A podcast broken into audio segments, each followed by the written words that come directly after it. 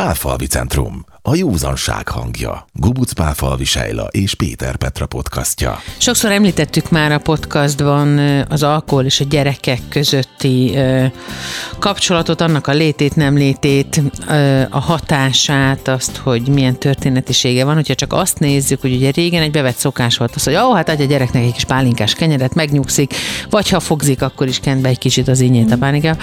Jaj, csak a habjából adja a gyereknek. Gondolom, hogy gondolom én, de hát te, mint szakember, majd megmondod, hogy ez abszolút és maximálisan helytelen. Tehát ez is egy nagyon erőteljes kapocs, ami aztán felnőtt korban kibukkanhat majd később. Hát nem csak felnőtt korban, hanem ott gyerekkorban is, tehát hogy az az alkohol felszívódik, tehát ha még az ínyére is teszik rá, ugye említetted ezt a pálinkás, mondjuk te kenyeret használás, és még meg is eszi, mert volt olyan, hogy mit olyan, avval ecsetelni, vagy, vagy borogatni mondjuk a fájó fogint, mert hogy van az alkoholnak valóban fájdalomcsillapító hatása, hát az azonnali károkat károkat okoz, tehát egy idegsejtméreg jut be a szervezetbe, és azért ez pici babáknál vagy gyerekeknél még hatványozottabb kárt tud okozni, mint egy felnőttnél, tehát egy nem kifejlett idegrendszer, meg egy nem kifejlett test, ami még növésbe van, sokkal károsabb. Hát a mintáról meg nem is beszélve ez, amit mondtál, hogy csak a sörhabját, vagy csak a... Csak a, csak a nyelvet dugd bele. Igen, igen, jó? igen. Én, én ezt nagyon károsnak tartom, azért nem használom az elítélem szót, mert hogy nyilvánvalóan mi is azért beszélünk róla, hogy információt adjunk azoknak a, az embereknek, akik minket hallgatnak, vagy lehet, hogy nem hallgatnak, de majd ezen az úton eljut hozzájuk is az információ, hogy milyen károkat okoz. Tehát nem, nem az a célom, hogy itt most ezeket az embereket, akik még esetleg ezeket a praktikákat használják, vagy náluk mondjuk ez bevett szokás, nem, hogy felhívjam a figyelmüket, hogy, hogy ennek milyen káros következmény, vagy hívjuk fel a figyelmüket, hogy milyen káros következménye lehet, hogy ezt ne tegyék. Mit jelent ez egy gyereknek, hogyha konkrétan és, és tetten érhetően alkoholfogyasztó környezetben nő fel, egészen cseppkorától? Az egy olyan mintául szolgál, hogy egyrészt ez így rendben van, ráadásul megtanul, nyilvánvalóan ez is családja válogatja, hogy ki és mire használja az alkoholt, de hogy megtanul egy fajta, hogy mondjam, mm, egy probléma, probléma megoldási technikára is rálát, hogy azt látom, hogy ha anya vagy apa ideges, és iszik, utána megnyugszik. Most ez csak egy példa uh-huh. sok közül.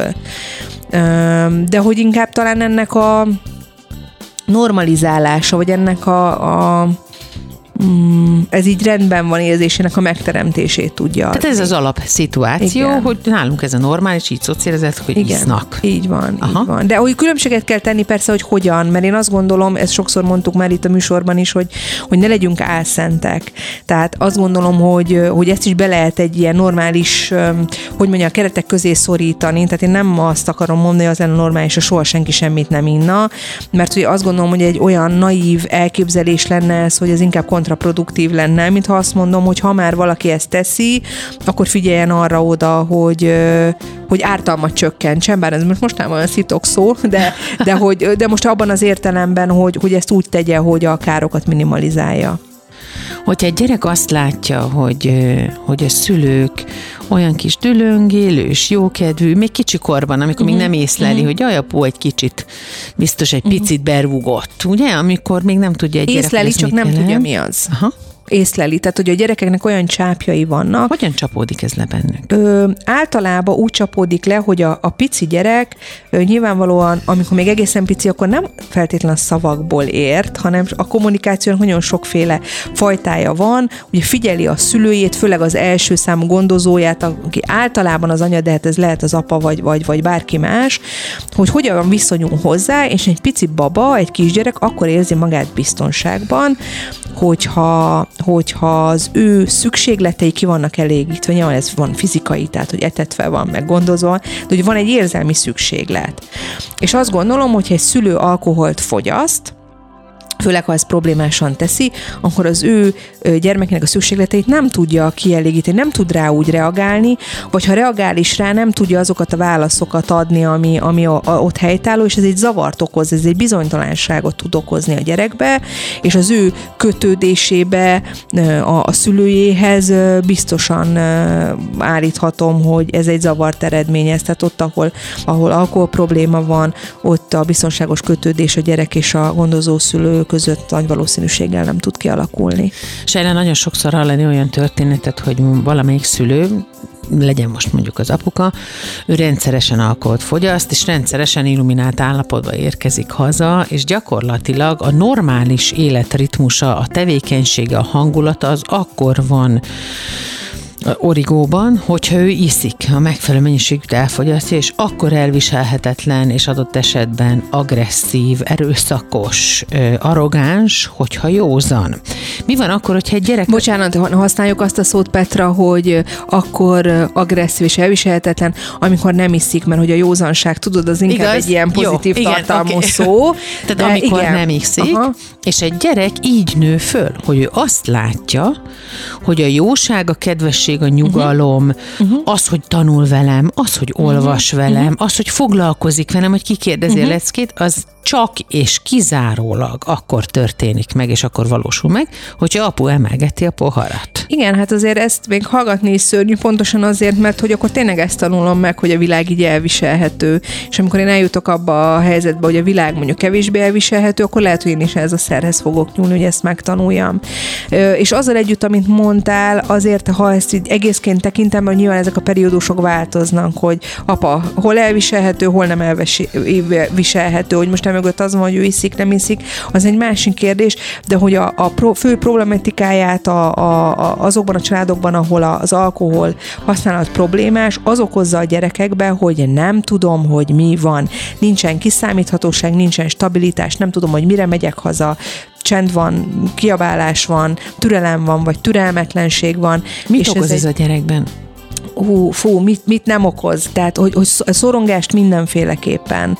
Én ezt nagyon kiemelném, hogy ezek a gyerekek általában nagyon szorongóak, hiszen ilyen állandó készenléti állapotban vannak, ők soha nem tudnak egy picit megnyugodni, nincs egy biztonsági tér, hogy az otthonnak kellene ennek lenni, de hogy ez nem adatik meg. Mi a különbség a félelem és a szorongás között, ha van? Föl tudunk-e állítani valamilyen különbséget? Ö, fel, fel tudunk állítani egyébként, de hogy nyilvánvalóan egyik táplálja a másikat, tehát hogy a szorongás mögött is azért van egy félelem, pontosan attól, hogy, egy folyamatos, mondjuk, hogy mire nem? megyek haza.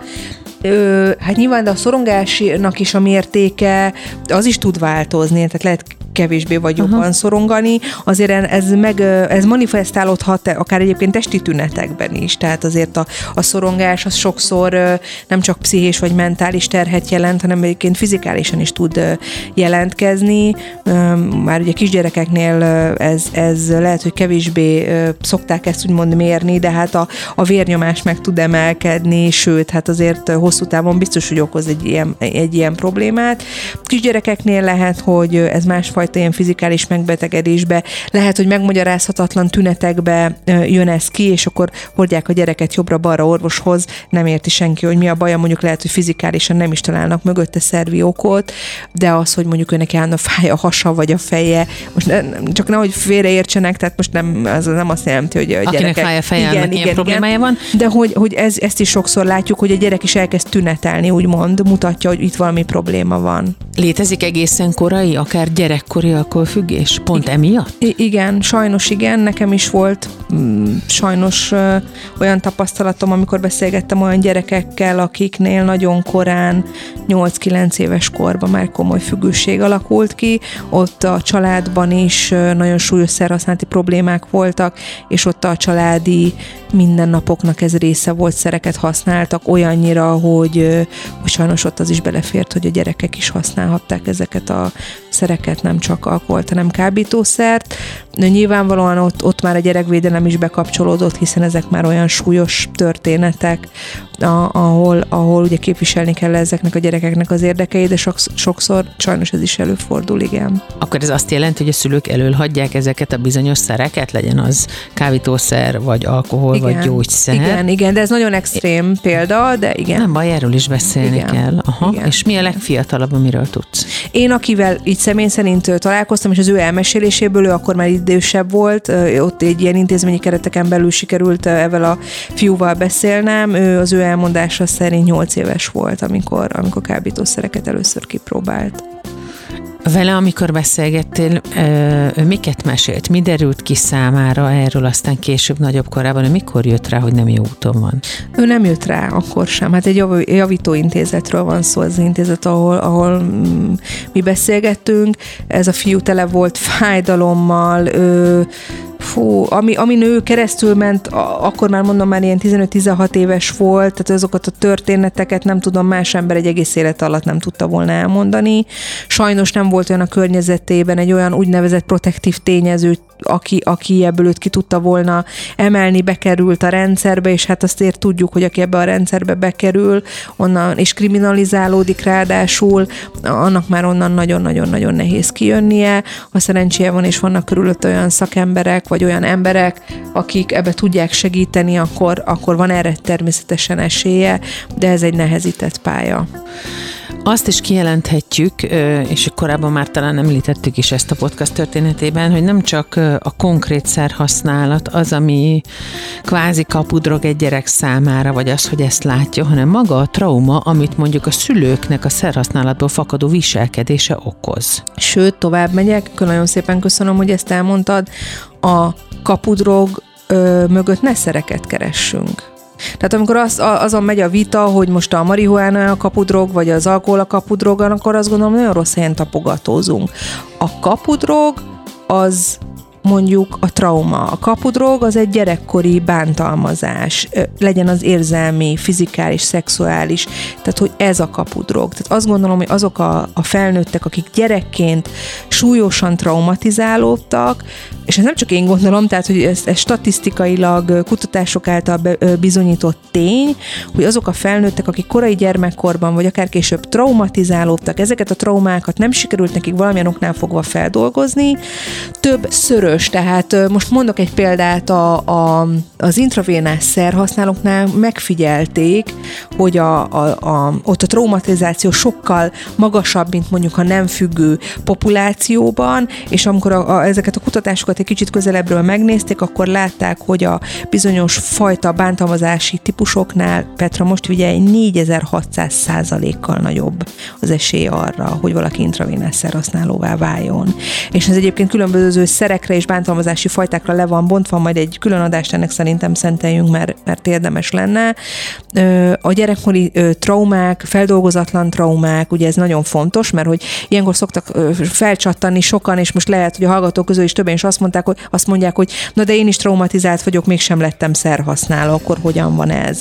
Hát azért nem mindegy, hogy milyen traumáról beszélünk, hogy sikerült azt az illetőnek feldolgozni, sikerült egyáltalán feldolgozni, nagyon sok mindennek a függvénye, de, de köszönöm a kérdésedet, igen, tehát a, a szerhasználat mögött nagyon gyakran az esetek nagyon nagy részében húzódik meg traumatikus élmény, és ezek mögött gyerek, sok, nagyon sok a gyerekkori trauma, amit nem csak szülők szerhasználat okoz, ez is van, amit te mondasz, erre is vannak statisztikák, hogy ott, ahol a szülő problémás szerhasználó, vagy függő, ott maga az is traumatizál, hogy ő szereket használ, de amit még megfigyeltek a kutatók, hogy ott a gyerek sokkal több egyéb más traumának van kitéve, hiszen a szülő nincsen jelen, nem feltétlen fizikálisan Aha. nincsen jelen, de nem tud jelen lenni, és nem tudja védelmezni a gyerekét. Tehát a statisztikákból ezt is lehet látni, hogy a szerhasználó ö, ö, családban felnőtt gyerekek sokszor más-más traumáknak is sokkal jobban kitettek, ö, kitettettek hogy kell ezt mondani? Sokkal jobban ki vannak téve. Akkor ez azt is jelenti, hogy ez a fajta védőháló nélküliség, mondhatjuk, nyilván nem jelentjük ki, de jó esélye egyenes utat mutat a szerhasználathoz. Mutathat. Én azért beszélek mindig feltételes módba, mert hogyha ezekkel tudatába vagyunk, nem csak mint szakemberek, hanem egyáltalán mint, mint, mint emberek, akkor erre oda lehet figyelni. Tehát, hogy azért nekem, én ezt most el megsúgom neked, nekem ez egy tervem, vagy mondhatni misszióm is, hogy erről beszéljünk sokkal többet, hogy miért fontos az, hogy egyébként edukáljuk ezeket a szülőket, mert hogy amikor hallunk ö, olyan eseményekről, hogy bántalmazott gyerekek, vagy bántalmazott család, akkor ugye hajlamosak vagyunk mindig extrémitásokba gondolkodni, de én azt gondolom, hogy amikor már beavatkozunk avatkoznak gyermekvédelmi szervek, vagy be kell, hogy avatkozzanak, azok, azok extrém helyzetek. Na, de a spektrumon sok helyen el lehet jelen, sok le, ö, helyen lehet elhelyezkedni, és fontos az, hogy lássuk, hogy, vagy, vagy beszéljünk arról, hogy mi az, hogy érzelmi bántalmazás. Hogy, hogy tudom-e én úgy bántani a gyerekemet, kérdőjel, hogy nem is tudok róla, vagy nem veszem észre. És hogy fontos, hogy egy tanár, egy védőnő, egy szomszéd, egy, egy rokon, hogy, hogy résel legyen, és ö, hogy mondjam, hanem is a szószoros értelmében, de mégiscsak be tudjon avatkozni, és meg tudjuk előzni a bajt, hogy ne, ne az legyen, amit te is mondtál, Petra, hogy akkor egyenes út vezessen a szerhasználathoz. Tehát vezethet, tehát azt gondolom, hogy ha ezeket a problémákat nem ismerjük föl, és nem nyújtunk hagyható segítséget a gyerekeknek, akkor később nagy valószínűséggel ő belőlük válhat, igen, problémás szerhasználó vagy függő. Álljunk meg egy picit az érzelmi bántalmazásnál, nyilván nagyon sokféle és fajta módon történhet ez meg a gyerekkel szemben. Mik a legfontosabb ismét mérvek? Fú, most nagyon, nagyon egy olyan témába nyúltunk, ami, amit nem tudom, hogy a teljesség igénye nélkül érdemes erről beszélni, hát próbáljuk meg, aztán majd meglátjuk sokszor ilyen nagyon bagatel dolgok, amire nem is gondolunk, amikor viccelődünk egy gyerekkel például, ugye? Hogy avval is meg tudjuk őt bántani, hogy az Ugyan már úgysem megy neked. Tessék? Ugyan már úgysem megy neked, nem fog sikerülni. Ö, igen, az is egy fajta, az is egy fajta érzelmi bántalmazás. Most nyilvánvalóan nem egy egyszeri rossz elszólás, vagy egy rossz mondat fog örökké nyomot hagyni egy gyerekbe, hanem azt tapasztalom, ami repetitív, ami visszatérő, ami fennálló. Tehát a bántalmazás kategória inkább én azt gondolom, hogy ide esik, mert hogy egyszer van egy rossz mondat, vagy egy rossz poén, akkor ne essen kétségbe senki ettől. Nem, de hát hogyha folyamatosan de ezt hogyha ez folyamatos, és súlykolják, akkor nyilvánvalóan ez is, ez is ezt a kategóriát át tudja lépni. Meg, meg azért is vagyok zavarba egyébként, amikor ezt kell definiálni, mert hogy nyilvánvalóan azért ennek sokféle értelmezése van, ugye jogilag is nagyon-nagyon nehéz ez, nem, hogy még, még azt gondolom, hogy ha itt a mentálegészség kategóriáját nézzük, akkor még mi ennyire se vagyunk megengedőek, és azért nagyon nehéz itt határt szabni. Jó, akkor nézzük ezt egy másik irányból, az érzelmi bántalmazást. Azt gondolom, hogy egy gyereknél sokkal durvább módon marad ez meg, és sokkal durvább módon is érzékenyebben, vagy érzékenyítőbben, későbbiekben erre érzékenyítőbben a, a személy felé hat egy érzelmi bántalmazás. Az Nyilván felnőtt korban is működik a dolog, de felnőtt korban szerintem már van esetleg legalább egy pici kapaszkodó, amihez az ember hozzá tud nyúlni. Hát meg ugye a fő különbség az az, hogy gyerekként az én életem szó szerint is átvitt értelemben is azon múlik, hogy az engemet gondozó személy ugye ezeket az imént említett szükségleteket kielégíti-e. Hát ha a bántalmazás attól a személytől jön, akinek engem ebből épp hogy óvnia kellene, ez egy olyan feloltatatlan konfliktust okoz a gyerekbe, hogy általában egy módon szokták ezt a gyerekek feldolgozni, amikor meg azt mondják, hogy mert én vagyok a rossz, én vagyok a hibás. Ha. És ezt tudja tovább mélyíteni ezt a problémát, hogy ezért tudja ezt elhinni, tehát nem azt mondja, hogy jaj, hát anya vagy apa úristen butaságokat beszél, hanem jön onnan egy bántás, ö, ezt, van egy hatalmas nagy ilyen belső konfliktus, hogy egy ilyen értetetlenség, hát na, de ő az, aki engem közben meg szeretni kell. Hát hiszen hogy... alapvető igazságként fogadunk el tőlük mindent. Így van, így, így van, és hogy általában ezért szokott az lenni, hogy sokszor még felnőtt korban is, amikor mondjuk egy ilyen konzultáció során előkerülnek gyerekkorról való beszélgetések, és hogyha ha egy terapeuta nem óvatos és nem, nem, nem ügyes, és úgy reflektál ezekre a dolgokra, hogy, hogy ne adja Isten, de hát ez általában hál' Isten ritkán fordul elő, minősíti mondjuk azt a szülőt, ö, akkor, akkor gyakran már felnőttként sem érti meg, vagy tudja befogadni azt, hogy, hogy na de hát miről beszélünk itt, hát nekem tök jó volt a gyerekkorom, Aha. vagy tök, nem tudom, piedesztára emeli a szüleit, holott mi már lehet, hogy látjuk, hogy itt bántalmazás van a háttérben, de oda valakinek el kell jutni, hogy ebben tudjon szembesülni, ez nagyon-nagyon nehéz. Gyerekkorban, ugye az előbb említett okok miatt, és gyakran felnőtt korban döbbennek rá az emberek, hogy amikkel ők keresztül mentek, az, az azért nem volt, hogy mondjam, a legegészségesebb fejlődési folyamat része. Mit tapasztalsz a diktológiai konzultánsként, hogy mennyire gyakoribb az, vagy mennyire, mennyivel hamarabb fordulnak mondjuk segítségért azok, akiknél kicsi gyerek van a, a családban, és mondjuk szerfüggő valamelyik szülő? Tud egy ilyen indító motor lenni, Tehát, hogy azért sokszor, sokszor van az a példa, hogy, hogy attól remélték a változást a családba, hogy ha majd gyerek születik, akkor ez biztos megszűnik. Sokszor hallom ezt a mondatot, hogy de ha a gyerekem lesz én, akkor ezt abba hagyom. És megszületik az a gyerek, és persze, hogy nem tudja abba hagyni, mert nem ezen múlik. És akkor tud ez egy ilyen gyújtópont lenni, amikor azt mondom, hogy na jó, kérek segítséget, ez így nem mehet tovább, a gyerekeimet erre nem, ne, ennek nem tehetem ki, hát ez a jobbik eset nyilvánvalóan, ezt fölismerem. A másik dolog, ami nagyon érdekes, motívum egy gyerek életében, amikor az apuka vagy a nagypapa viszi magával a kocsmába.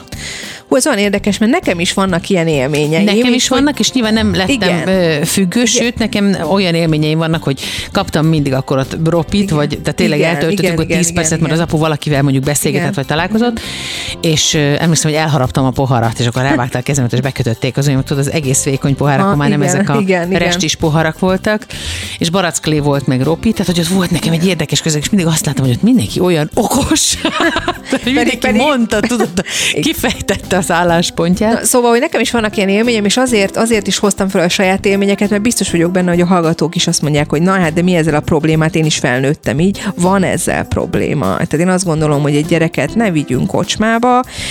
Ha nagyon őszinték, akarok, őszinték akarunk magunkhoz lenni, hát ez miről szólt? Hogy ott volt egy választása a felnőttnek, hogy a gyerekkel eltöltött minőségi idő, vagy hát idő egyáltalán, hogy akkor még minőségről nem beszélünk, az hol történjék meg. És én azt gondolom, hogy ha, ha, ha őszinte akarok lenni magamhoz is, meg, meg mindenki ez, aki hallgat minket, amikor valaki úgy dönt, hogy ezt az időt egy, egy olyan vendéglátóipari egységbe tölti el, ahol az a fő szempont, hogy én tudjak inni valamit, és nem viszi el mondjuk, nem tudom, állatkertbe játszótére, stb., az önmagában iszonyat problémás. Még akkor is, ha tök jó élményeket gyűjtöttünk, gondoljuk ezt mi, de én azt gondolom, hogy sokkal jobb élményeket is gyűjthettünk volna, hogyha nem, nem ott vagyunk, hanem máshol. Nagyon sokszor hallottam már azt is ö, olyan családoktól, ahol komoly ívók vannak, tehát komoly alkohol mm. problémával küzdő emberek. Jó, ugye már minek, most már olyan idős, most már nem tudom, elmondhatvan, ez most már mindegy. Hát ezt én is hallottam már. Én azt gondolom, hogy ezzel próbálják megideologizálni, hogy miért ne kelljen foglalkozni ezzel a problémával. Én, én azt szoktam mondani, hogy teljesen mindegy, hogy ki hány éves, a fennmaradó időt legyen az 20, 30, 40, 50, 60, és soha nem lehet tudni, ugye, függetlenül attól, hogy ki hány éves, hát hogy milyen minőségbe akarom én azt eltölteni. Én azt gondolom, hogy soha nincsen késő ö, felépülni nálunk. Egyébként szép számmal vannak olyan kliensek is, akik jóval 60 vagy 70 év fölött jelentkeznek, Mondjuk náluk gyakori az is egyébként ezeknek a klienseknél, hogy a probléma az mondjuk nem feltétlenül évtizedes, ilyen is van, hanem mondjuk előtte pár évvel mondjuk nyugdíj környékén kialakuló problémáról van szó, de jönnek, és, és nagyon jó arányban épülnek föl, és én azt gondolom, hogy ők is hálásak, meg a családjuk is hálás, nem nekünk, hanem saját maguknak, hogy ezt meglépték, mert hogy azért olyan minőségi változást tud ez hozni az életükbe, amiért megéri. Amikor hozzátartozói konzultáció van mondjuk a Páfalvi Centrumban, előfordult-e olyan, vagy kell-e, hogy az megtörténjen, hogy egy gyerek ott legyen?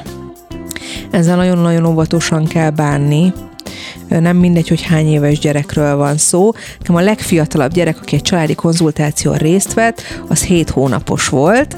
Nagyon, nagyon cuki, még egy fot- fotót is őrzök, ami az asztalomról készült, amikor ki volt rakva három pohár víz nekem a, a, a kliensemnek, a feleségének, és ott volt még egy cumis üveg is a, a kislánynak. Ez egy technikai kérdés volt, hiszen így tudták megoldani, hogy mindannyian el, eljöjjenek, de nyilvánvalóan azért ettől függetlenül, hogy lehet, hogy nem ért értett minden szót, azért a rezgéseket ő is levetett, tehát nekem erre tekintettel kellett, persze. hogy legyek.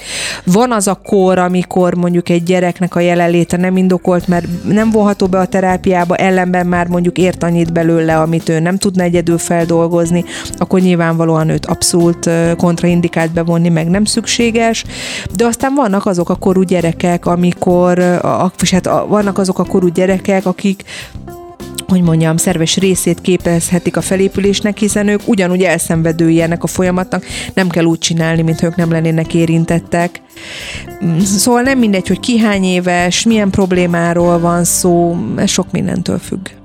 Tehát magyarul akkor ez azt is jelenti, hogy tulajdonképpen egy megfelelő korú gyerek, hogyha van egy ilyen családi konzultáció és egy felépülési folyamat, akkor kifejezetten ö, jótékony hatással ö, lehet magára a felépülési folyamatra, és az ő életére is jótékony hatással lehet, ha már csírájában lát egy ilyen, ö, egy ilyen, egy ilyen ö, konzultációt, egy felépülési folyamatot közelről, és lehet, hogy ez, ami benne van, esély arra, hogy ő is szerfüggő vagy alkoholfüggő legyen, Bizonyám. az ott már Bizonyám. hirtelen ki is oltódhat, vagy hát nem Hát, hirtelen, hogy- ez most hülye szó, amit Nem, hát használok, ez, de... Figyelj, ez ugyanolyan minta, mint a, mint a negatív minta is, mint a pozitív minta is, mint a én azt látom, hogy az apám, anyám, nagynéném, nem tudom, bármilyen rokonom itt volt, és innen oda jutott, és látom, hogy fel tudott épülni, az egy pozitív minta, az arra egy példa, hogy ez is egy tanulási folyamat, tehát nem csak rászokni lehet valami, nem szeretem ezt a szokás szót, de hogy mégiscsak így jut, tehát nem csak rászokni lehet valamire, hanem az is egy tanulási folyamat, hogy én erről hogy tudok lejönni, illetve nagyon sok olyan történetet ismerek, ahol aztán a szerfüggőség bár kialakult később a gyerekbe is, de a felépülési, vagy a felépüléshez vezető út sokkal-sokkal rövidebb lett. Aha. Öm, Vannak kollégáim egyébként, ők Veszprém megyében csinálnak egy ilyen felépülési központot, és én ott láttam azt, ahol az édesapa szerhasználó volt, később a fia is azzá vált, de nagyon fiatalon lépett ő a felépülés útjára. Szerintem ő, ő még, nem, nem tudom, lehet, hogy még nem tudom, olyan fiatal nem akarom megsérteni, hogy, hogy, hogy hány éves, de mindegy, nagyon fiatal, és ő, ő, ő már rég felépülő függő, és ő képzi magát is ennek a felépülési központnak az egyik vezetője. Tehát, hogy, hogy van erre is ö, példa, amit te mondasz, hál' Isten, és meglepődnél, nagyon sokszor gyerekek hívnak föl. Ilyen előfordul. Hogyne, hogyne. Hozzám járt egyszer egy testvérpár, ő fiatalok, ám hát ők már ilyen fiatal felnőttek voltak, tehát 18 évesek elmúltak, de hogy, hogy, hogy csináljunk valamit, mert hogy nem bírják nézni, hogy az édesapjuk milyen úton halad. Léteznek olyan csoportok, ahova ezek a, a, a gyerekek akár eljárhatnak, vagy később felnőttként, tehát hogy létezik egy olyan önsegítő csoport, nem csak Magyarországon, hanem mindenhol a világban, hogy alkoholfüggő és más módon diszfunkcionálisan ö, működő családban felnőtt gyermekek önsegítő csoportja. Hány A- éves kortól fogadnak gyerekeket az ilyen Ö, csoport? ők már felnőttek, tehát hogy ilyen családban felnőtt Ja. gyerekek, de hogy Igen. ők már felnőttként mennek oda, hogy, hogy mert hogy az ők rá is, vagy tehát felismerték azt, hogy az ő működésüket, ezt úgy hívják, hogy úgy rövidítik a csoportot, hogy aca, hogy ők felismerték, hogy acások, tehát hogy ők olyan gyerekek, akik, vagyis hát olyan felnőttek, akik gyerekként olyan családban nőttek föl, ahol vagy alkoholfüggők voltak, vagy más módon diszfunkcionálisan működött a család, és ez az ő mindennapi működésüket meghatározza a mai napig, és ők szeretnének tenni az ügyben, hogy ez változzon, hogy az ő működésüket tudják ezáltal változtatni. Most is csak azt tudjuk mondani, amit az összes podcastunk végén, hogyha valaki úgy érzi, hogy szüksége van segítségre, akkor keressen meg benneteket. Így van, tehát nyugodtan lehet minket hívni a 0630 65 75 734-es számon, ez közvetlen én fogom felvenni ezt a telefont. Én azt is meg szoktam tenni, hogyha úgy érzem, hogy ez a segítség mondjuk nem nálunk található meg, hanem, hanem máshova kell irányítsam a klienst, akkor szoktam adni információt is e tekintetben.